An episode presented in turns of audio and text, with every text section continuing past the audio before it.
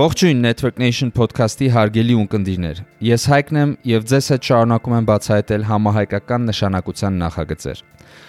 Այսօրվա իմ հյուրն է առաջատար տեխնոլոգիաների ձեռնարկությունների միության գործադիր տնօրեն Ռաֆիկ Ասարջյանը։ Միությունը ստեղծվել է դեռևս 2005 թվականին միավորելու տեխնոլոգիական ոլորտի ընկերությունների միևնույն հետաքրությունների եւ շահերի շուրջ։ Ռաֆիի հետ հետարքիր զրույց ենք ունեցել ԱՏԶՄ-ի կողմից իրականացվող մի շարք խոշոր նախագծերի մասին, որոնցից Digitech 2021-ը կայացավ բոլորովին վերջերս մեկ վայրում միավորելով հայկական եւ արտասահմանյան ՏՏ ընկերություններին։ Նման նախագծերը բնականաբար հսկայական ազդեցություն են ունենում Հայաստանի դիրքավորման վրա, որին եւս անդրադարձել ենք էպիզոդի ընթացքում։ Սկսեցինք։ Ես Ռաֆիկ Ասարջյանն եմ։ Ծնվել եմ Լիբանանում, Բեյրութում, մեծացել եմ Ամերիկա Ամերիկայի Միացյալ Նահանգներում։ 2008 թվին ընտանիքից հետ տեղափոխվել եմ Հայաստան։ Իմ ամբողջ կարիերան եղել է տեխնոլոգիական ոլորտում, ընդհանրապես ՏՏ ոլորտի ընկերությունների business management-ի կողմը ունեցել եմ բազմիցս տարբեր բաշտոններ, բայց հիմնականում product manager, P&L manager, CEO Եվ այս պահին առաջադար տեխնոլոգիաների ձեռնարկությունների միության գործադիր տնօրենն եմ։ Ահա։ Լավ, ու այսօր հենց դրա մասին ենք խոսալու, Ռաֆի ջան։ Իրականում հետարքիր էր, հա, այսօր պատրաստվում էի ոնց որ SS մեր զրույցին, Հիմա նայում եմ ես ձեր կայքը, հա, ու տեսնում եմ, ասենք դուք շատ բնակավարներում եք ակտիվ, հա, սկսած կրթությունից, արմատ, իրական դպրոց, իմիջիայլոց չգիտեի իրական դպրոցն եք դուք անում այդ շատ հետաքրքիր է, ինձ իրանց մասին է շատ կուզեմ խոսել, բայց հա, էտա կրթություն, հետո ՏՏ ոլորտ, բանակ ու Հայաստանի դիրքավորում ես փորձում եմ հասկանամ այս ամեն ինչին միավորողը որն է։ Շատ լավ, Հայկ ջան, ուրեմն նայեք, մենք 2005 թվականից մենք աշխատում ենք Հայաստանում եւ մեր նպատակային էր որ ԴԴ ոլորտի ընկերությունների, ասենք, ցայները միացնենք, որ կարողանանք թե ոչ թե միակ մեր ոլորտը, այլ ընդհանրապես Հայաստանը, մեր տնտեսությունը, մեր հասարակությունը միշտ տևի առաջ տանել։ Մենք ունենք այս բանը ունենք մոտ 115-ից ավել անդամ, որ շատ ակտիվորեն ներգրաված են մեր գործնեության մեջ հատկապես հա հատկապես մենք 5 տարի մեկ մենք վերամշակում ենք մեր երկարաժամկետ ռազմավարությունը եւ արիք ունեցանք 10-20 թվի վերջի եւ 21 թվի սկիզբը այս այս հաջորդ 5 տարվա ռազմավարությունը նորից ոնց որ թե վերամշակել եւ ունենք 5 ռազմավարական ուղղություն որ որի մեծ մասը դուք արդեն նշեցիք առաջինը դա գրթությունը եւ աշխատուժ, որտեղ մեր ոլորտի համար գրթությունը այնքան կարեւոր է, որ որ եթե չունենանք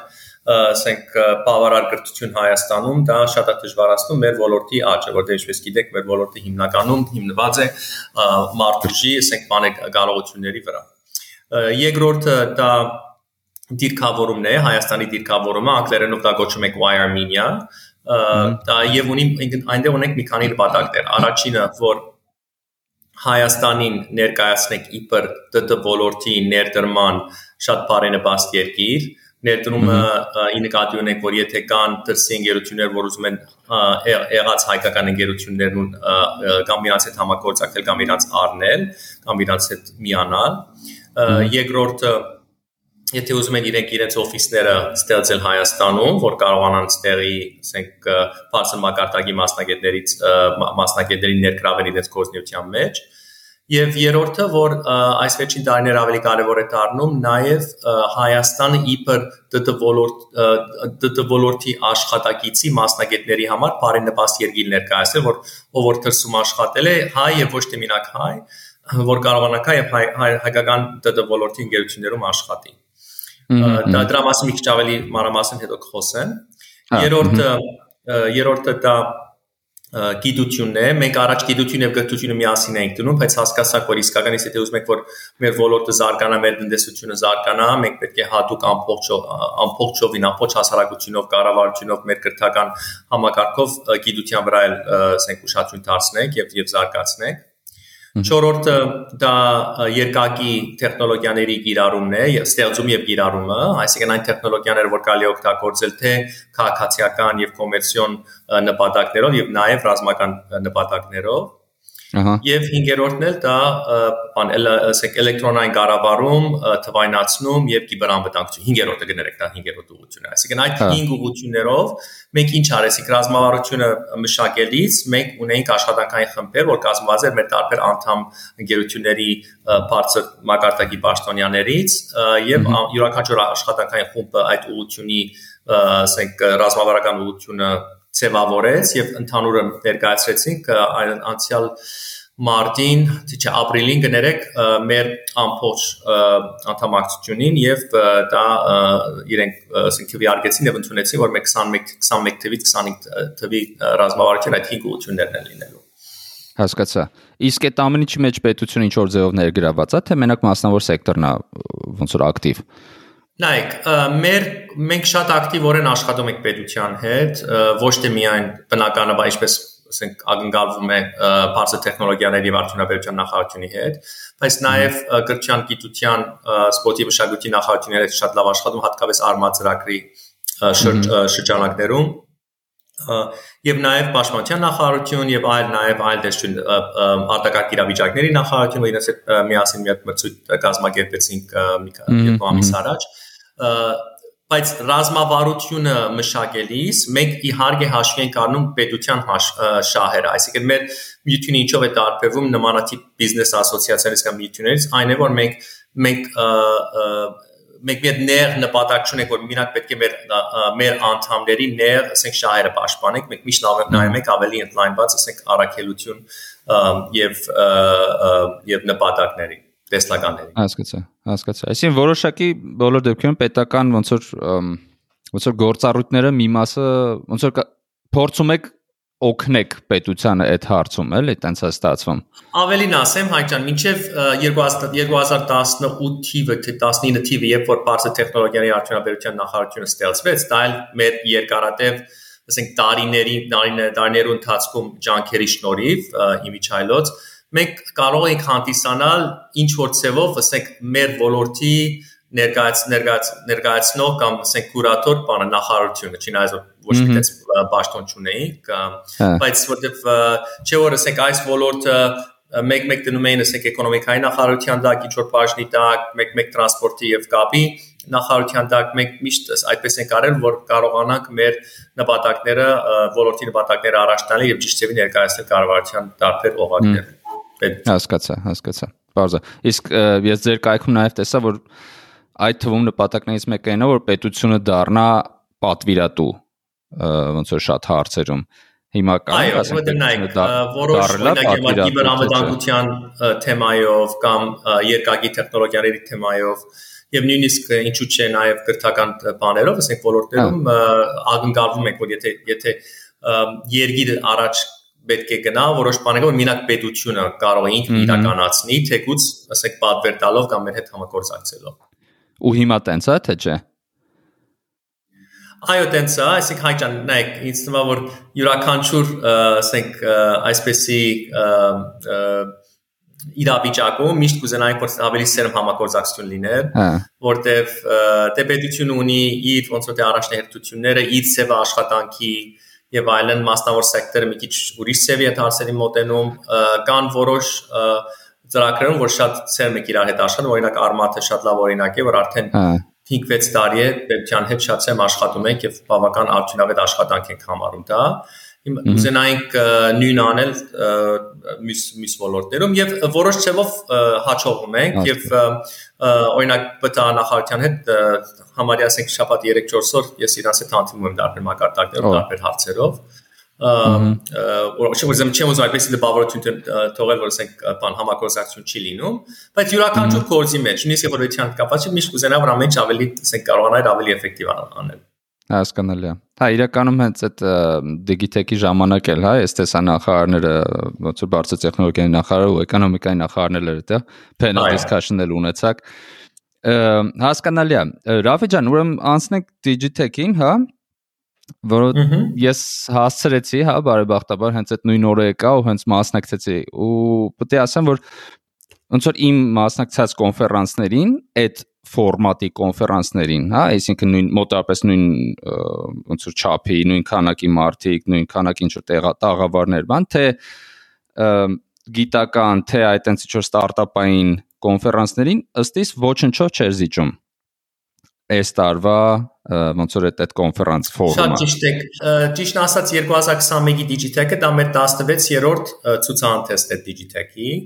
եւ իսկականից նպատակ ունեինք այս տարի իրան իրան ասենք բարձրացնել այլ հարթակի կամ այլ մակարդակի որտեղ 2019 թվին մենք Digitech արեցինք զուգահեռ WCIT 2019-ի համաժողովի հետ, որը ասենք մեր նման ասոցիացիաների համար աշխարհային բաններ, ասենք հանդիպումներ, որ Հայաստանում տեղի ունեցավ։ Եվ այն այնատեն արդեն որոշված է, որ մենք պետք է դա օգտագործենք, որ Հայաստանը տնենք աշխարհը, ասենք, ասենք ամբողջ աշխարհի համաշխարհային տեխնոլոգիական օրակարգի մեջ, հատկապես իբր զարգացող տեխնոլոգիաներով լի երկրի, մեր նման երկրի, ասենք այլ երկրները, ասենք հասկանան, որ այդպես միշտ այդ միջոցառումներն եւ ինքը ինքը ուղղորդված է թեպի այդ այդ տիպի երկրներին եւ ներկայացնել համաշխարհային հարթակում 2020 թվին ցավոք սերի չկարողացանք Digitech-ը անցկացնել թե համավարակի եւ նաեւ պատերազմի պատճառով Ունեն որոշեցիք 2021-ի իսկականից ուզում եք այնինչ որ մենք որոշել ենք որ 19-ի պիտի անենք 20-ում, արդեն 20-ում անել։ Շատ այդ պատճառով մենք տեղափոխեցինք մեր վայրը, ընդհանրապես Digitech-ը տեղի ունենում Մերգելյանի Երևան Expo ցանտեսային սրահում, որ ինքը լավ է որ Մերգելյանը շատ հարմար է, ինքը Մերգելյանը հանդիսանում է ՏՏ ոլորտի ոնց որ թե գետերից, ասենք հիմնական գետերից մեկը, բայց նաև ունենք բավական մեծ համանախապակում տարածքի առումով եւ նաև կոնֆերանսի այլ բաղադրիչների իրականացման առումով։ Այսինքն մենք նախ եւ առաջ ուզում ենք որ հենց ցուցահանդեսը ավելի մեծ տարածքում լիներ եւ դա կարողացանք անել Կարեն Դեմեջյան անվան համալիրի սպորտահամերգային համալիրի սարսաթաշտու մեծ համերգային սրահում որ մեզ թույլ տվեց ոչ թե մինակ ավելի, այսպես ասած, ընդհանուր տարածք ավելի, այսպես ավելի ավելի բարձր ալաստաղով եւ այլն, մենք ինչպես տեսակ տաղավարները շատ ճոխ էին այս տարի եւ իսկականից ես էլ եմ մասնակցել բազմիցս միջազգային ցուցահանդեսներին, Web Summit-ը եւ այլն, Comdex, Cebit եւ այլն եւ ինքը ոչ մի ցևով չէր զիջում եւ եւ ուզում եմ ասեմ մի բան է շեշտեմ դա նաեւ ոչ թե մինակ մեր ջանքերի շնորհիվ էլ այլ ուզում եմ շնորհակալություն հայտնեմ յուրաքանչյուր այդ ընկերություններին որ տաղավարներ որոշեցին մասնակցել իրենց տաղավարները որ երևում էր որ իրենք այդ բավականին մեծ ջանք եւ ջանք էին օգտագործել որ շատ այսպես ասած տպավորիչ տաղավարներ թողին եւ ով ում հետ որ խոսել եք նույն նույն զգացմունքներն ինչ որ դուք ունեիք Այս տարի նաև որոշեցինք երկու երկու հատ այլ բաղադրիչ ավելացնել,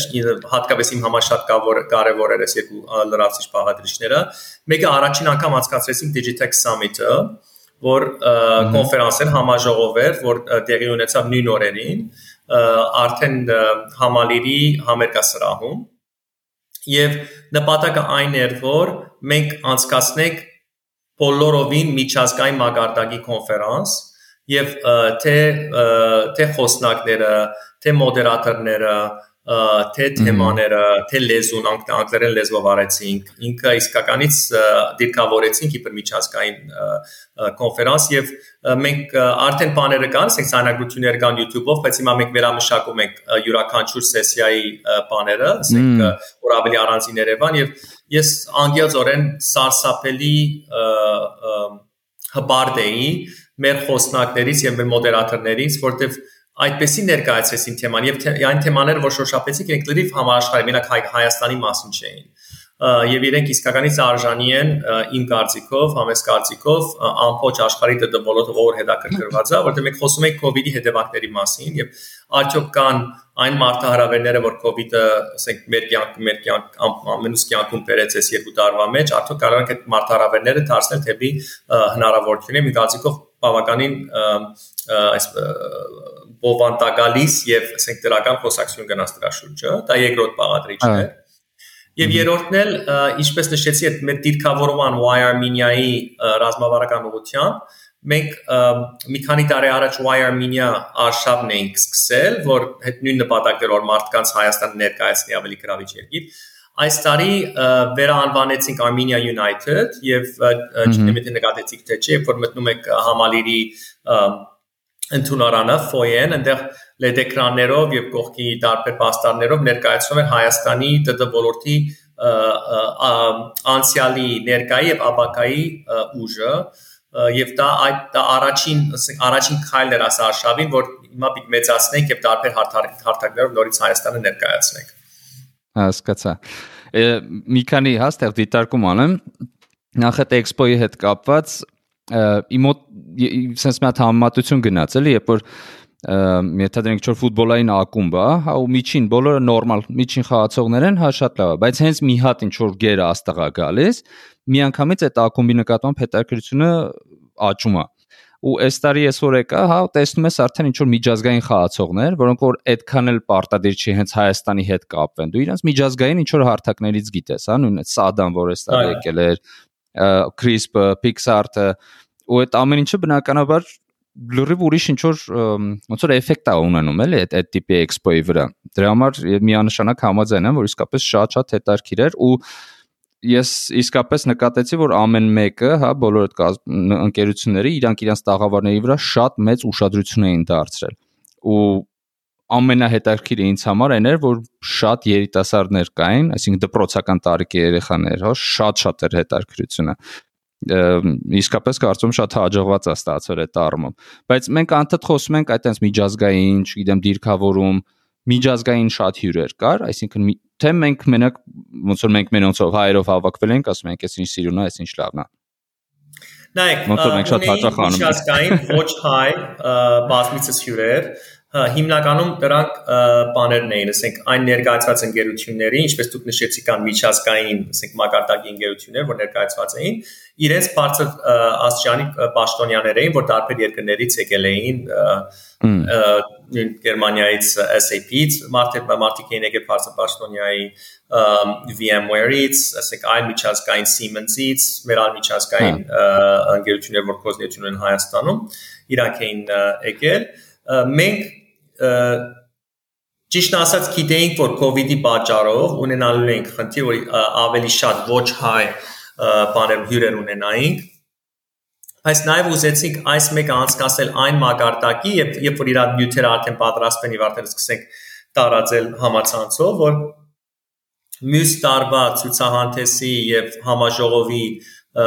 այսպես ասած մարքեթինգի արշավը սկսելից մենք ունենք այդպեսի տպավորիչ նյութեր, որ կարող ենք արդեն դիրքավորել եւ այս այսօրվանից արդեն իրենց հրավիրել, որ մյուս տարվա հոկտեմբերի սկիզբը գիտեմ որ պետք է Հայաստանում լինել, այդպես էլ անելու ենք։ Հասկացա։ Այսինքն հենց արտասահմանյան ընկերություններին նաև որ իրանք կան ստեղծու ցուցահանդես անեն։ Նայեք, ես կասեի այդպես։ Ցուցահանդեսը ամենայն այնուամենայնիվ, այնուամենայնիվ ինքը Հայաստանի փոքր, ասենք, երկրի եւ շուկայի համար այն ընկերությունները, որ այստեղ կորսնություն ունեն, դժվար կլինի, որ որոշեն ցուցահանդեսում հենց բան ունենալ, իրենք տաղավար ունենալ, որտեղ այս ցուցահանդեսը ունի մի քանի նպատակներ, որի մեջ իհարկե մտնում է ասենք իրենց ապրանքների ներկայացումը հանրության եւ տարբեր ասենք իրենց տիրախային ասենք բաներին, շուկաներին, հաջախորդների տարբեր տեսակի, բայց նաեւ ինքը Հայաստանում շատ մեծ նպատակ ունեին նաև ներկայացնել ընդհանուր հանրության եւ ցեր նշած յետասարտներին, որ իրենց ողջևորեն, որ կարելի է այս ոլորտը մտնել, կարելի է օրինակի համար SATA Systems-ում կամ Crisp-ում կամ Pixart-ում կամ Soft Construct-ում աշխատել եւ դա ինչ է, այսինքն դա աշխատել ինչ է նշանակում, ինչ տեսակ product-ների վրա եք աշխատում, ինչ տեսակ հաջախորդներ եք դուք սպասարկում եւ այլն։ Ուրեմն ակնկալում է որ մյուս տարի միջազգային հյուրերը կլինեն երկու խումբ։ Մեկը կլինի, ինչպես նշեցիք, այն ընկերությունները, որ արդեն կորզնիություն ունեն Հայաստանում, իրենց բարձր աստիճանի բան ներկայացուցիչներ ոչ հայ մեզ կմիանան։ Երկրորդը, բայց բանի կոնֆերանսի համաժողովի մասով։ Դա մենք ակնկալում ենք, որ խոսնակներից, եթե ասենք 30-ից 50%-ը կլինեն ոչ հայեր, որ հասկանում որ այս կոնֆերանսը դառնում է այդպեսի հարթակ, որ իրենք պետք է ներկայացնեն, որ ներկայացնեն իրենց ընկերությունները եւ իրենց քաղաքարները։ Հհհ բայց մեկը այդ առաջի մասով, հա, այս հարցունը։ Երբ որ հայերն են, հայկական ընկերություններն են ստեղ մասնակ մասնակցում այդ էքսպոին, հասկանալի է։ Այսինքն տեղ նաև ինչ որ տես պատրիոտիզմի ինչ որ հարց կա հայրենասիրություն բան։ Բայց ասենք միջազգային կազմակերպության համար ինչ հետաքրքրություն կա ստեղ մասնակցել մեր էքսպոին։ Նայեք, հենց այդ եթե նայեք մեր այսօր Հայաստանում գործող միջազգային ընկերություններ, որ ստեղծված չէին Հայաստանում կամ նույնիսկ ստեղծված ստեղծված չէին հայերի կողմից։ Մենք բազմիցս այդպիսի օրինակներ ունենք, ասենք Siemens, Oracle, Veritas, TeamViewer, um, Synopsys եւ այսինքն մի քանի շատ ընկերություններ կան, որ թեկուց որ իրենք ասենք հայկական ընկերություն չեն, Հայաստանում բավական մեծ գործունեություն են ծավալում, իրենց համար ինչպես զուտ հայկական ընկերությունների նման իրենք ուզում են ներկայանալ հանրության, որ մարդիկ հասկանան, որ թե կարիերայի կողմից, թե ասենք բանի նոր տեխնոլոգիաների շփվելու կողմից, ասենք իրենք ուզում են ներկայանալ հանրության։ Հասկացա, հասկացա։ Լավ, հիմա անցնենք այդ երկրորդին, հա, այդ ոնց որ այդ կոնֆերանս մասը, հա, որտեղ որ այդ panel discussion-ներն էր, մյուսներ, մյուսներ, ես ոնց որ հասցրեցի մի քանիսին մասնակցեմ ու ինձ համար իսկապես շատ կարևոր էր այն փաստը, որ սա ապագայի մասին էր խոսվում, այ հենց այդ COVID-ից հետո տեխնոլոգիաների զարգացումը ես այդ խոսակցությունները ոնց որ մեր հայկական աշխարհում այդքան էլ հաճախ չեմ լսում ու երբ լսում եմ շատ ուրախանում եմ, ու ես վերջերս ոնց որ այդ Summit of Minds-ն է, հա, իմ իմ տեսած, որ եկել էր էլի Դիլիջան, էլի անդադ ապագայից է խոսակցությունը գնում, ու մյուսը դուք եք, ինչի համար էլի եմ ասում, անտանելի ուրախ եմ։ Բայց ու հա, ես կանա պատկերացնում, եթե մյուս տարի ասենք 30 կամ 50% մարդ դրսից հյուրեր կան, այլ ավելի հետաքրքիր կլինի։ Այսինքն դրա համար ինձ համար հասկանալի է ինչի է գան մարդիկ, շատ շատ հստակ է ու բայց արդեն կան մարդիկ, ովքեր որ հետա ոնց որ իրենց համաձայնությունը տվել են կամ ասում են հա կգանք խոսանք Նայեք, այս այսպես sense ասեմ, ով որ մասնակցեց հայ եւ ոչ հայ, ինչքան միջև հիմա մենք արձագանք ստացել ենք, շատ դրական է եղել եւ նույնիսկ ըստ դրա երևի ամենավառ օրինակը, որ արդեն այդ խոսնակները իրենց, ասենք, խոսակցության կամ վիդեոն կամ ֆոտոները, կադրերը, իրենք արդեն իրենց տարբեր բարթակներով տարածում են, որ մենք էլ մասնակցեցինք այս կոնֆերանսին, այսպես իմանալ մասին խոսեցինք, եւ հիմա այն փուլում ենք, որ այդ բանն ենք անում, վիդեոների post production ենք անում եւ դրանից արդեն կսարքենք ավելի շատ նույնիսկ ավելի տպավորիչ, այսպես ասած, կլիպեր եւ այլն, որ կսենք դրանով տարածել։ Ինչ եղավ։ Իմիջիալից ասեմ, որ չգիտեմ նկատեցիք նկատեցիք թե չէ, բայց առաջին օրվա պանելի վարողները, մոդերատորները իրենք ոչ հայ միջազգային տեխնոլոգիական բան ոլորտի թղթակիցներ էին դա հատուկ արեցինք, որտեղ ուզում էինք, որ սա հանդիսանար արդեն այսինքն խոսակցությունի մագարտակ արդեն եւ բովանդակություն արդեն գլերի միջազգային էր։ Նայեք, այսպես սկսեցինք։ Երկու օրվա ինքը կոնֆերանս է։ Առաջին օրը ընդհանրապես գլոբալ համարաշխարհային կոնտեքստը ներկայացնելու, այսինքն COVID-ից հետո ինչ եղավ բան աշխատելու ոճին եւ աշխատելու ծևին, բիզնես անելու, այսինքն առաջ որ եթե պետք է անընդհատ պետք է ունենա այդ գրասենյակ, որ ինչ որ երկրում եթե ուզում եք վաճառել, բայց COVID-ից հետո դա կարող է ավելի արցանց անել, Երկրորդը փոփոխությունները կրթության եւ գիտության մեջ COVID-ից բան եւ առաջին օրվա բովանդակություն ընդհանրապես Հայաստանի հետ կապ չուներ։ Երկրորդ օրը արդեն եւ նաեւ երկրորդ օրը ոչ թե ասեցիք նա հիմա նայեք այդ դա ինչպես է անդրադարձել կոնկրետ Հայաստանում, բայց ասեցիք ինչպես է անդրադարձել Հայաստանի նման զարգացող երկրներում։ Եվ շատ կարևոր, ասենք նյուանս կա այնտեղ, բայց շատ կարևոր նյուանս է, որտեղ մենք փորձում ենք այս կոնֆերանսը սրայից հետո իրեն դիրքավորել իբր եթե դու հետաքրքրված ես զարգացող տեխնոլոգիան երկրների, ասենք առաջընթացի եւ ընդհանրապես հետաքրքրված իրենց ինչին կատարում այդպես դու պետք է այս կոնֆերանսում ներկայանեք։ Եթե չգիտեմ առաջին օրը դուք հասեցիք նկատել թե չէ, օրինակ համար Էստոնիայի տեխնոլոգիայի եւ ինովացիոն բանը նախարարը ինքնից ուղարկեց Եվ ակնկալենք, որ մյուս տարի շատ ավելի շատ մասնակցություն կունենանք նույն, ասենք, այլ երկրների այդ պասարացիան բաների կողմից, պաշտոնյաների կողմից։ Էստոնիան մեծ համար մասնավորապես հետաքրքիր երկիր է, չէ, որտեղ իրանք էլ են ոնց ոնց հասկանում եմ նման ինչ որ ճանապարհով անցել ու հասել են որոշակի հաջողության։ Այո ինձ շատ է դուր գալիս այդ տենդենսը, որ մենք վերջապես սկսում ենք ոնց որ ֆոկուսը մեր վրայից հանել ու ու մի հատ փորձել հասկանալ թե միջազգային ինչ որ հարթակներում, թե մեր տարածաշրջանում, թե ընդհանրապես ամբողջ աշխարհում ինչա կատարվում, որպես հասկանանք մենք այդ աշխարհում ինչ դեր կարանք խաղանք, հասկանալով տրենդերը։ Ֆանտաստիկա, ես ես ես շատ եմ ոգևորում դες բաներից։ Լավ, ու եթե ասենք sense նայենք, հա, Expo-ն ու այդ այդ կոնֆերանսը Summit Կարանք ինչ որ մի, հա, այդ summit-ը կարանք ինչ որ տենց գնահատական տան կամ ինչ որ տենց մի զգալի ոնց որ outcome, հա, ենթադրենք, չգիտեմ, նոր նոր կոլաբորացիաներ ա ստեղծվել կամ նոր ընկերություն ա գալիս տեղ կամ մերոնք են դուրս գալիս դուրս ինչ որ մի բան կարելի է ասել Նայեք, եկեք Expo-ից սկսենք։ Expo-ում ունեինք ավելի քան 50000 այցելու այդ 3 օրվա ընթացքում, որ բավականին մեծ չափանիշ է հաշվի առնելով COVID-ը, հաշվի առնելով որ համալիրում էինք ոչ թե Մերկելյանով մի քիչ ավելի հասանելիություն, մի քիչ ավելի բարդ է, եւ երրորդը որ այդ օրեր նաեւ անձրև էր գալիս, այսինքն ուզում ասեմ այդ 3 բաները խոչընդոտները նույնիսկ հաշվի առնելով մենք բավական մեր սպասելիքից ավելի ավելի բարձր ասենք մասնակցություն ունեցանք, որ շատ ողջևորիչ է։ Եվ նաև ընկերությունները, որ տեսան, նույնիսկ մասնագետներից մեկը, որ անունը չեմ ուզում տամ, որ իրենց տաղավարը այսպես ասած համեմատաբար ավելի համեստ էր, քան թե մյուս տաղավարների ասես էս ինչ եք դուք բան արել ասենք ցայն հանեիք որ մենք էլ իմանայինք որ պետք է ուրիշ ծևի արդեն ներկայանանք այդ կողմից ինձ թվում է որ նոր ստանդարտ եք արդեն ստեղծել եւ սրանից հետ գնալը դժվար կլինի ունենք մոտ 20 ընկերություն ճիշտ ասած որ չկարողացանք տեղավորել զուտ բանի ասենք տարածքի սահմանափակումի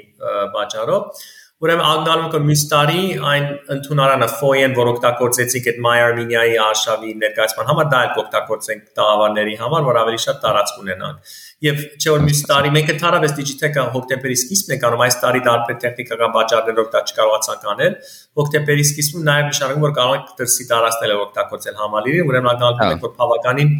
ասենք երևի 30-ից 40%, եթե ոչ ավել կարողանանք բաներ, ասենք տարածքը, որ կարող եք ցուցանտեսի համար օգտագործել, մեծացնել, լայնացնել, որ հնարավորություն դա ավելի ընկերությունների, ավելի շատ ընկերությունների մասնակից։ Այսօր ասեմ Expo-ի կողմից մենք շատ կոենք եւ նաեւ այնտեղ կային տեսնում ենք, որ ասենք մի մի տաղավարից մյուս տաղավար գնում ենք խոսում ենք, տեսնում ենք հասկան ինչպես կարող են բան համագործակցել։ Ինչ վերաբերվում է summit-ին, դա մեր առաջին summit-ն էր, այսինքն մենք էլ ուզում էինք եւ փորձեցինք առաջին հենց առաջին օրինագից շատ բարձր մակարդակի իրան բերել եւ ուզում եմ հատուկ շնորհակալություն հայտնել մեր ամեն մասնակիցներին, խոսնակների եւ նաեւ մոդերատորները, որի համարյա կեսը Zoom-ով միացան, որտեղ հաշվի առնելով COVID-ի համարապագումները ճամփորդության բայց ես ուղակի հիացել էի բովանդակությունի մակարդակին մարդկանց պատրաստությունը եւ կարծում եմ եւ նաեւ ուզում եմ անպայման նշեմ մեր տեխնիկական թիմը որ ամեն ինչ ապահովեց թե սկսած բեմի վրայի ասենք այդ ամբողջ պատրաստությունները սրայի մեջի տեխնիկ տեխնիկան եւ հատկապես այդ Zoom-երի տարբեր մասնակիցների ներառումը առանց ոնց որ թե խնդրի մենք կարող օրինակ Նուբար Աֆեյանը մոդեռնայի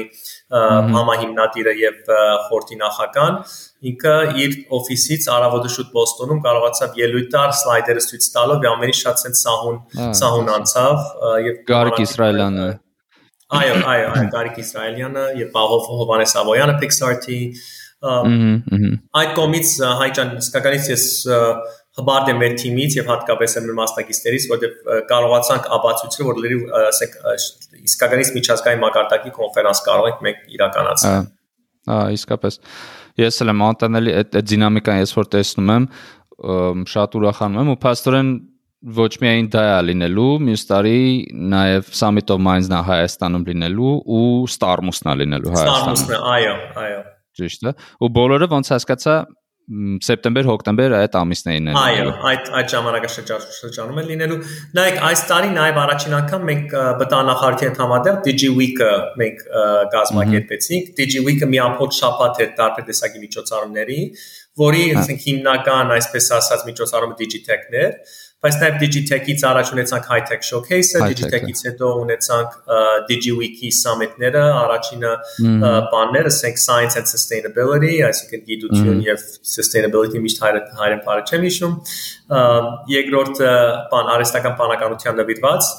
մի ամբողջ օրվա կոնֆերանս էր, երրորդն էլ բան venture-ային ֆինանսավորման, դրանք էլ շատ բարձր մակարդակի նորից ունեցանք մասնակցություն եւ բովանդակալ բովանդակալ բովանդակությունով լի խոսակցություններ։ Հա, հա։ Հա, դրանց չեմ չեմ կարողացել մասնակցել, բայց Digitech-ի մասնակցել եմ։ Մի խոսքով ֆանտաստիկա էր, մյուս տարի անպայման էլի եմ մասնակցելու։ Շատ լավ, շատ անապետ սպասենք։ Ես Հա, ինձ թվում է, այս ամեն ինչը իսկապես, այսինքն թե ձեր այդ աճի դինամիկան, թե մյուս կոնֆերանսները, հա, շատ ուժեղ ազդեցություն են ունենում հենց այդ Y Army, այսինքն Հայաստանի դրական ինչ որ դիրքավորման վրա։ բայց երբ խոսում ենք դիրքավորում ոնց որ իմ մոտ տես չհարցեր է էլի առաջանում, այսինքն ում համար են կոնկրետ, ում աչքերում ենք մեզ ոնց ուզում դիրքավորենք։ Այսինքն թե մեր թիրախային խումբը, դրանք մենակ ամերիկայի ինվեստորներն են, թե չգիտեմ, արաբական, ազիական աշխարհ, թե այսինքն սկզբում ասացիք, հա, ֆիրմաները, հետո մենք ուզում ենք դառնանք իրանց համար ֆրիլանս ոնց որ Ուկրաինայի ու Սերբիայի նման երկիր, հա, որը որ ասենք դիրքավորվել է որպես ֆրիլանս անող եվրոպական երկրների համար ֆրիլանս անող IT IT ֆրիլանս ծառայություն մատուցող երկրներ։ Թե ինչ ենք մենք ուզում, ոնց ենք ուզում մենք դիրքավորենք։ Շատ լավ հարց եք տալիս եւ շատ այսպես ասած ժամանակակից եւ առանցքային հարց է։ Մենք երբ որ նայում ենք, ասենք անկախ անկախությունից հետո Հայաստանի Հանրապետության անկախությունից հետո մեր 30 տարվա պատմությունը եւ հատկապես ինչ ինչ կատարվեց մեր ասենք ՏՏ ոլորտում, Մենք հա։ ունենք 3 հատ այսպես ասած ալիք կամ էթապ։ Առաջին ալիքը դա այն ժառանգությունը, որ ստացել էինք խորհրդային միության ժամանակից, որ երբ որ ունեինք մեր Գելյանը եւ այլ, ասենք, գիտական ինստիտուտները, որ բավական շատ մեծ գործեր էին անում կոնկրետ մեր ոլորտում, եւ հատկապես այդ electronic design and automation-ի մեջ, այսինքն chip design-ի, microchip design-ի մեջ, որ ունեինք բավական մեծ փորձ աշխատուժ ժառանգություն, դա ասենք վերացավ բանի թե տեղական ընկերությունների ստեղծման, հետո դրսի միջազգային ընկերությունների հետ տեղական ընկերություններին առնելով, համագործակցելով հետո առնելով եւ Հայաստանում մեծ ասենք ստեղծագործման եւ բանի, ասենք հետազոտության բանը կենտրոններ ստեղծել։ Synopsys-ը, Mentor Graphics-ը, որ հիմա Siemens դարձավ, Cadence-ը, մի քանի այդպես ընկերություններ հաստատվեցին եւ տարիներով իրենք էին համարվում Հայաստանում ՏՏ ոլորտի ամենամեծ խաղացողները։ Դա առաջին ալիքն էր, որ սկսեց 90 թվականների կեսերից եւ մինչեւ 2000 թվականների, ասենք, ասենք մինչեւ 2007, 8, 9, 10 այդ այդ ժամանակաշրջաններ։ Դա առաջին ալիքն է։ Երկրորդ ալիքը դա ցեր ասած ֆրիլանսինգի, աութսորսինգի ալիքներ, երբ որ կային փոքր եւ միջին տեղական ընկերություններ, որ հիմնականում սպասարկում էին դրսի պատվերներին, պատվերները։ Դրանք էլ սկսեցին թեգուց փոքր web բաներով, ասենք web design-ի եւ կայքի պատրաստման, հետո անցան այլ ավելի այսպես ասած ուղղորդված բաների, ասենք համակարգերի մշակման եւ վերջում ասենք 10 10-ից մինչեւ 15 16 թիվը արդեն mobile application-ի վրա աշխատող եղել, բայց հիմնականում մենք ուրիշների պատվերներ ենք կատարում։ Մենք մեր սեփական արժեքը չենք ստեղծում։ Երրորդ ալիքը, որը սկսեց 15 թվից մտավորապես, եւ սարսափելի արագ աճ է ունեցել եւ դրա մասին եմ ուզում խոսեի այսօր Հայկ ջան եւ շատ ուրախ եմ որ այդ հարցը տվեցիք դա արդեն մեր սեփական ապրանքներ այսինքն դեղական ընկերություններ որ ստեղծում են ապրանք եւ ծառայություններ որ վաճառում են ամբողջ աշխարհով եւ այդ ապրանքները ունեն այն, ասենք, որակ եւ մակարդակ, ինչ որ ասենք տարբեր ապրանքներ, որ Ամերիկայի Միացյալ Նահանգներում այլ այլ ավելի զարգացած երկրներում ստեղծում են։ Որ որ մի քանի անուններ տվեցինք այս մեր զրույցի ընթացքում, Pixar-ը, Crisp-ը, բայց ունենք երևի 10 քանի ընկերություններ, որ այսօր համարվում են իրենց ոլորտում առաջին կամ առաջին 5-րդ տեղերում, որի հիմնադիրները հայ են, որը ունեն կորսնյություն Հայաստանում, բայց ոչ թե մինակ Հայաստանում, եւ այդ պատկերը բոլորովին փոխվել է, այսինքն եթե 5-6 տարի առաջ մենք ուրախանում ենք, եթե ինչ որ մի հայկական ընկերություն 30 կամ 50 հազար կամ 100-150 հազար ներդրում էր ստանում տարբեր տեսակի աղբյուրներից, հիմա այդ նույն թիվը դարձել է 20 միլիոն կամ 50 միլիոն կամ 100 միլիոն ներդրում Եվ մենք այսպեսի մի հատ վերլուծություն արեցինք։ Եթե վերցնեք այն ընկերությունները, որ ապրանքներ ունեն, որ Հայաստանում կորզնեություն ունեն եւ որի ղեկավարները հայ են, մոտ 10 քանի 11 12 top ընկերությունները վերցրեցիք, որի ամենը ներկայացված են ինչ որ ցեվով բանում դիջիտեկում ներկայացված էին իրենց ընդհանուր գումարը, որ իրենք կարողացել են բանալ, այսինքն ներդրում, ասենք ներգրավել վերջին 3-4 տարվա մեջ ավելի շատ է, քան թե 1.5 միլիարդ դոլար, 1.5 միլիարդ, այսինքն ոչ միլիոն, ոչ 100 դինար, դա սարսափելի մեծ թիվ է մեր համար, եւ իրենց ընդհանուր արժեքը valuation, որ ասում են անգլերենով, եւ ընդհանուրը չէ, որտեղ դրանց կեսը իրենք հայտարարել են ինչքան ներդրում են ունեցել, բայց չեն հայտարարել ինչ valuation-ով է դա եղել, բայց ով որ հայտարարել է, ընդհանուր valuation մոտ 12 միլիարդ դոլարի չափ է որ այս թիվերը ֆանտաստիկ թիվեր են հայկական ՏՏ ոլորտի շուկայի համար։ Այսինքն բնականաբար պետք է նշվի, որ այդ թվերի զգալի մասը երկու ընկերություններից է գալիս, դա Service Titan-ն է եւ Pixart-ն է։ Pixart-ը 100% ստեղծված Հայաստանում Հովանես Ավոյանի կողմից ինքը միջ միջ օրս մոտ 200 միլիոն դոլարի ներդրում ունեցել եւ ինքը 1 միլիարդ դոլարի ասեք արժեք անցել դրա համար unicorn է unicorn է համարվում հա Service Titan-ը ինքը չնայած որ Հայաստանում չի ստեղծվել, ինքը Ամերիկայում Միացյալ Նահանգներում է ստեղծվել, բայց երկու համահիմնադիրները գործադի տնօրենը եւ նախական հայեր են եւ ունեն հիմա չգիտեմ քանի վերջին թիվը չգիտեմ բայց 100-ից ավել աշխատակից ունեն Հայաստանում եւ բավական մեծ իրենց ասենք research կենտրոններ R&D կենտրոնից մեկը ստեղ է իրենք ասենք 9.5 միլիարդ դոլարի արժեք ունեն 1 միլիարդ դոլարից ավել իրենք բան են ստացել ներդրում են ստացել բայց նույնիսկ եթե այդ երկուսը հանենք մնացածները մի քանի 100 միլիոն ընդհանուր ասենք թվով մի քանի 100 միլիոն դոլար ներդրում են ստացել եւ իրենց արժեքը մի քանի ասենք մի 1 միլիարդից ավել է ընդհանուր միասին իրականորեն եւ դա շատ քիչ է համարում եմ եթե ով որ չի հայտարարել իր ինչ valuation-ով է ստացել ինքը շատ ավելի մեծ կներ է դիվը դա հա իսկական հեղափոխություն է մեր ոլորտում Եվ եթե հարցը տալիս ենք, որ ասենք ուր ենք հասել եւ մենք փորձում ենք մեզ թիրախավորել իբր այլ երկրի համար, ասենք պատվեր կատարող, հա, այդ գործը շարունակվում է։ Եվ շատ լավ է, որ այդ գործը շարունակվում է։ Այն ամեն ինչը, որ եղել այդ թվերը, որ նոր ես նշեցի, նրանք նշանակում է, որ լրիվ ուրիշ etap-ի ենք հասել եւ արդեն նմանվում ենք այլ երկրների, փոքր երկրների, որ իրանց ասենք ընդհանուր տնտեսությունից ավելի մեծ ոնց որ թե ազդեցություն են աշխարհով Օրինակ, եթե վերցնեք այդ 12 միլիարդ դոլարը, դա համարյա ամբողջ Հայաստանի հնայի, ասենք, չափն է, հասկանում եք, այսինքն դա 10 միլիոնի գոզնիությունի մասին է խոսքը, կամ արժեքի մասին է խոսքը։ Հիմա նայեք, այն գործը, որ անում եք այդ պատվերների կատարելը, այդ freelancing-ը, outsourcing-ը անելը, դա կարևոր է, դա ոնց որ առօրյա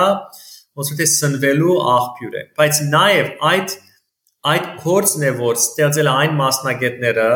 որ ունեցել են այդ երևակայությունը եւ այդ նպատակը, որ իրենք ոչ թե ուզում են ուրիշի պատվերը կատարեն, այլ իրենք իրենց բան, ասենք, սեփական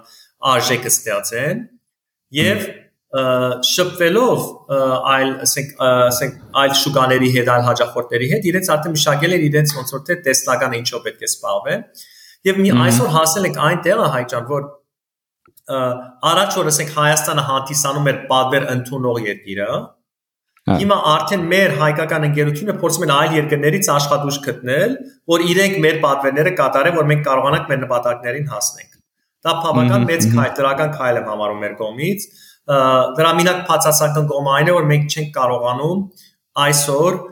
մեր գրթական ծրագրերը չեն ասենք լիարժեք չեն կարողանում բանալել արձագանքել մեր ոլորտի պահանջներին։ Մենք ունենք դիսբալանս։ Եվ այդ դիսբալանսը տարբեր ցևի մենք փորձում ենք թե պետության հետ աշխատելով, թե ասենք պետության համակարգը բարելալով, բարելավելով կամ թե արմատի նման ծրագրեր իրականացնելով, բայց նաև հիմա արդեն ուղղությունը փոխվել է մի քիչ, փորձել այլ երկրներից մասնագետներ բերել Հայաստան եւ ոչ թե մենակ մեր հայրենակիցները։ Խոսքը նաեւ գնում է այլ ազգի մասնագետներից, որ կան մեր մոտ աշխատելու, որ կարողանանք այս աճի տեմպը ապահովել։ Միջալից այդ ես իմ սեփական մաշկի վրա եմ զգում այդ իրական Հայաստանի համար դրական է, բայց Գերմանիայի մի հատ ստարտափ կա, իրանք ուզում էին ոնց որ մի նոր ինչ որ օֆիս բացեն բանում Ուկրաինայում կամ Սերբիայում ու ոնց որ մենք համոզում ենք, ասում են համոզել ենք արդեն, ասում ենք այնտեղ մի բացեք, եկեք Հայաստանում բացեք, էլի։ Իրանք ասել են հա, ու հիմա Հայաստան Հայաստան չեն կարողանում մարդ գտնել, այսինքն senior developer, որը որ այդ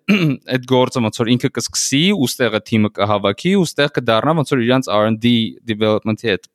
բանը ստեղ կլինի, էլի։ Մի խոսքով։ Այդ ամենաճիշտ ամենացավալի, ասենք,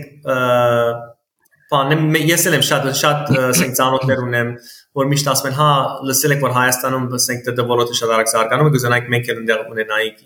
թիմ։ Ու ես ես միշտ ես միշտ վերաբահում եմ, փորձում հասկանալ այդ թիմը որտեղ է, որտեղից ենք իրենց համար գտնելու։ Դրա համար հիմա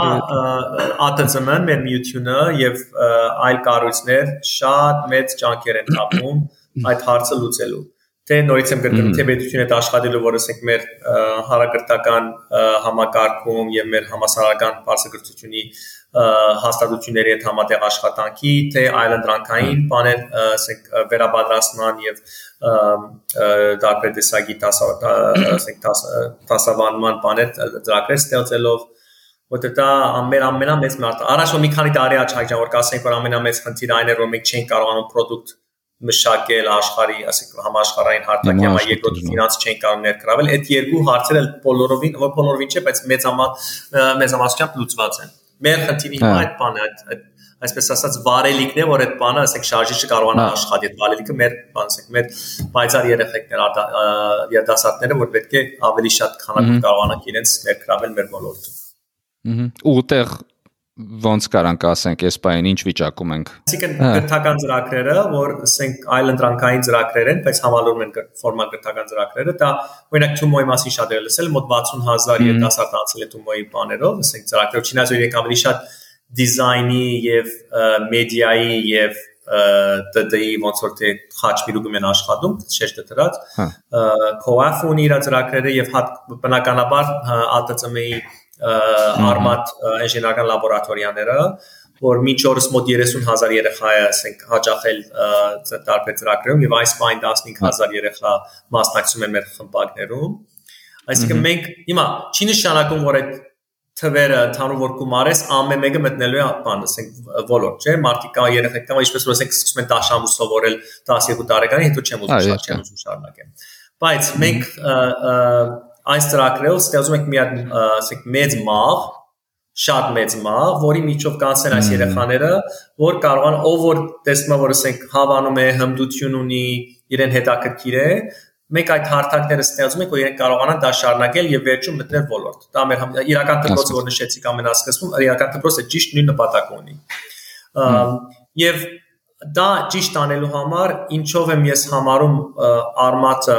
ԱՏՑՄ-ի արմատի ծրագիրը շատ կարևոր, որտեղ առաջին օրեն մենք ունեինք երկու նպատակ։ Առաջինը դա հասանելությունն է, այսինքն այս ինժեներական կրթությունը պետք է հասանելի լինի յուրաքանչյուր երեխան, որ համայնքում որ գտնվում, այսինքն մեր հենց այս մեր գողքի դպրոցը մեր Գելյան ինստիտուտի կամ լինի, ասենք ամենահերու սահմանամերձ գյուղում, ինքը պետք է ունենա հասանելիություն նույն որակի կրթության, որ մենք դա ապահովում ենք։ Երկրորդ այդ այդ ասենք այդ աշխարհը իրեն ներկայացնելիս նաև իրեն օգնենք մասնագիտական գոնորոշման։ Որտեղ ինչպես գիտեք, հայ, ասենք տարիներով ամեն ծնող կգիտեին, որ եթե ուզում են որ երեխան հաջողվի, պետք է դառնա բժիշկ, իրավաբան կամ ֆինանսիստ։ Չի նշանակում որ այդ բաները մեզ համար պարտադիր չեն։ Բնականաբար երեքն շատ կարևոր մասնագիտություններ են։ Բայց բայց այդ երեք մասնագիտությունները հիմնականում իրենք իրենց թիրախային շուկան այդպես ասած մեր ներքին մեր ներքին շուկան է ՏՏ-ն մեզ հնարավորություն է տալիս ստեղծել արժեք, որ կարող ենք վաճառել ամբողջ աշխարհով մեկ կամ ներկայացնել մատուցել ամբողջ աշխարհով մեկ եւ այդ արժեքի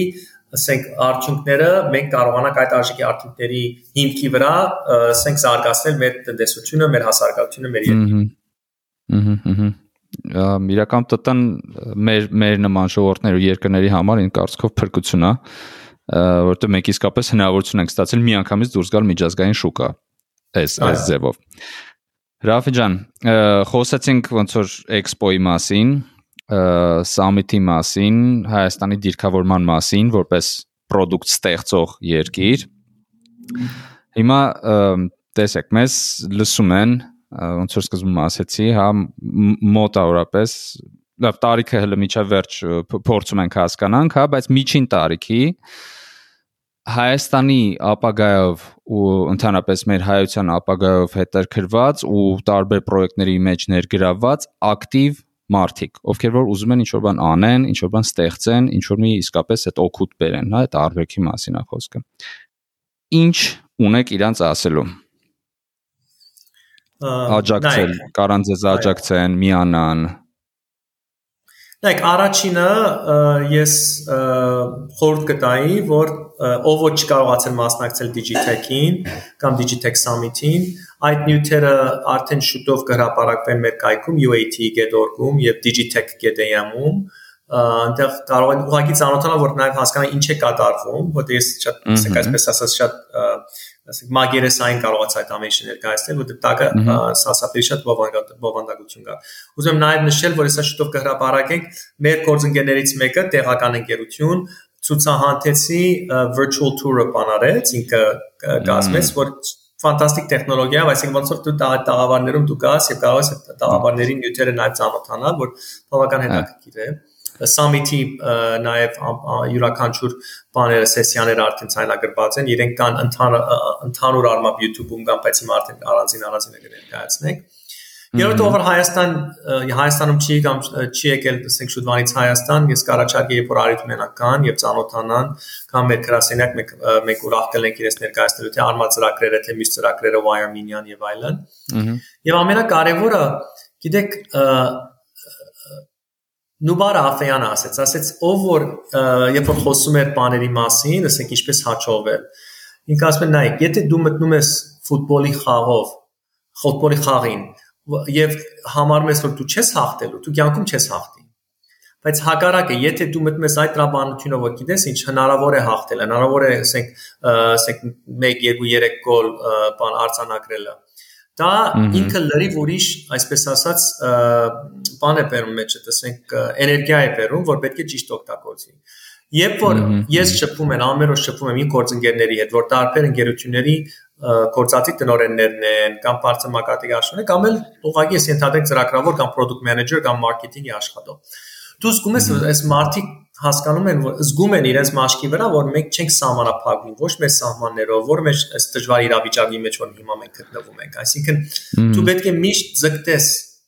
ավելի շատին եւ հասկանաս ինչպես ոչ ոչ թե դու ինչ կարող ես անել իբր անց,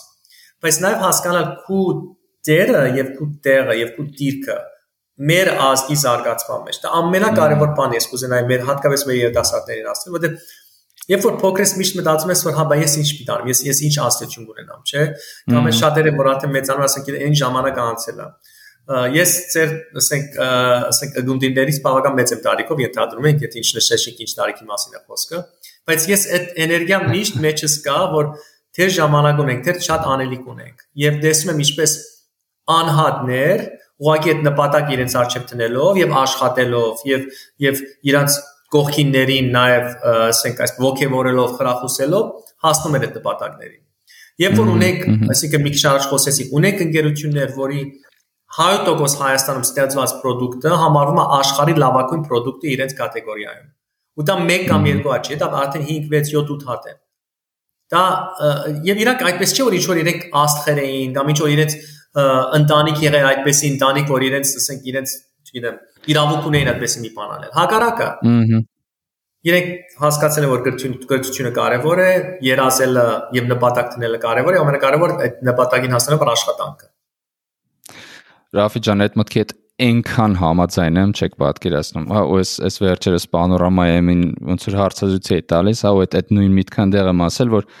մեզանից ամեն մեկն է ստեղծում մեր կյանքը ու մեր իրականությունը։ Ու IT ոլորտում շատ շատերը արդեն դա հասկացել են ու հասկացել են, որ իրանցից ոչ միայն կախված է իրանց ապագան, այլ նաև կախված է մեր բոլորի ապագան։ Ու այդ այդ գաղափարախոսությունը, այդ միտքը ընդհանրապես իրական շատ པարզ միտք է։ Դու ուղղակի դու պետք դա գիտակցես, որ դա հենց տենց է։ Ասում եմ, IT ժողովուրդը հասկացել է, իմ հյուրերը, որ գալիս են ոդքասթի, իրանք հասկացել են, ու ես վստահ եմ, որ այդ միտքը տարածվելու է ու շատ ու շատ մարդիկ են ավելի հասկանալու։ Եվ հակառակն էլ ասեմ, դրա ոչ թե հակառակ, այսինքն դրա մյուս կողմից նայելը հայ ջան, որ իրանք ուրիշից կախված չեն հասկանալի որովհետև դե շատ անգամ ինչպես գիտեք այս 30 տարվա մեջ նույնիսկ խորհրդանյության ժամանակ ասենք ում հա, գիտես ում ծանոթը ով ինչ կարող է քեզանի ասենք եւ այլն IT-ում դա չկա IT-ում չես սպասում ինչ որ մեկը քեզ թույլ պիտա մի բան անելը կամ ինչ որ քեզ պետք է ճանապարհ բացի Դա էլ է շատ կարևոր։ Հա, միանշանակ։ Ռաֆի ջան, շնորհակալ եմ սուպեր սուպեր կարևոր բան եք անում ինձ թվում է իսկապես ամենա ամենա օգուտ բերող ինչ որ ծրագրերից հա ու տեն շատ մեծ ինչ որ մասշտաբային բաներ եք դուք անում ինչի համար անտանելի շնորհակալ եմ ու շատ ուրախ եմ որ դա անում անում եք ու շնորհակալություն որ եկաք ինձ հյուր Ցեզ էլ ուզում շնորհակալություն հայտնեմ այս շատ հաճելի զրույցը իմ, իմ համար էլ եւ շնորհակալ եմ որ հարիտ տվեցիք որ կարողանանք ներկայացնել այն բաները որ կարծում եք որ կարեւոր է, ասենք մեր երկրի ազգի զարգացման համար եւ ցես հիմա արդեն շատ ավելի ուշադրությամբ նայվ ես ուզում այս շարքի այլ բաները հաղորդումներ ես էլ նայեմ որ տեսնեմ այլ ինչ հետաքրքրական բաներ կհապաներ եւ միտքեր կգիսվեն շատ շնորհակալ շնորհակալություն շնորհակալություն Այսօրվա իմ հյուրն էր առաջատար տեխնոլոգիաների ձեռնարկությունների միության գործադիր տնօրեն Ռաֆիկ Հասարջյանը, ում հետ խոսեցինք միության գործունեության եւ մասնավորապես Digitech-ի մասին։ Ինձ համար անչափ ուրախալի է հետևել տեխնոլոգիական ոլորտում գրանցվող մեր հաջողություններին։ Ուրախ եմ նաև, որ մենք վերջապես սկսել ենք հետաքրքրվել աշխարհի խնդիրներով, ընդգրկվել քննարկումների մեջ եւ փորձել լուծումներ տալ դրանց։ Հենց այս մտածելակերպն է մեզ դարձնելու աշխարհի համար կարևոր Եվ հենց այսպես ենք մենք ունենալու հզոր Հայաստան։ Մեր հետագա էպիզոդների եւ այլ հետաքրքիր ու օգտակար ինֆորմացիաներ ստանալու համար հետևեք մեզ Facebook-ում, YouTube-ում եւ Instagram-ում։ Դե իսկ մենք կհանդիպենք շատ շուտով Network Nation podcast-ի հաջորդ էպիզոդում։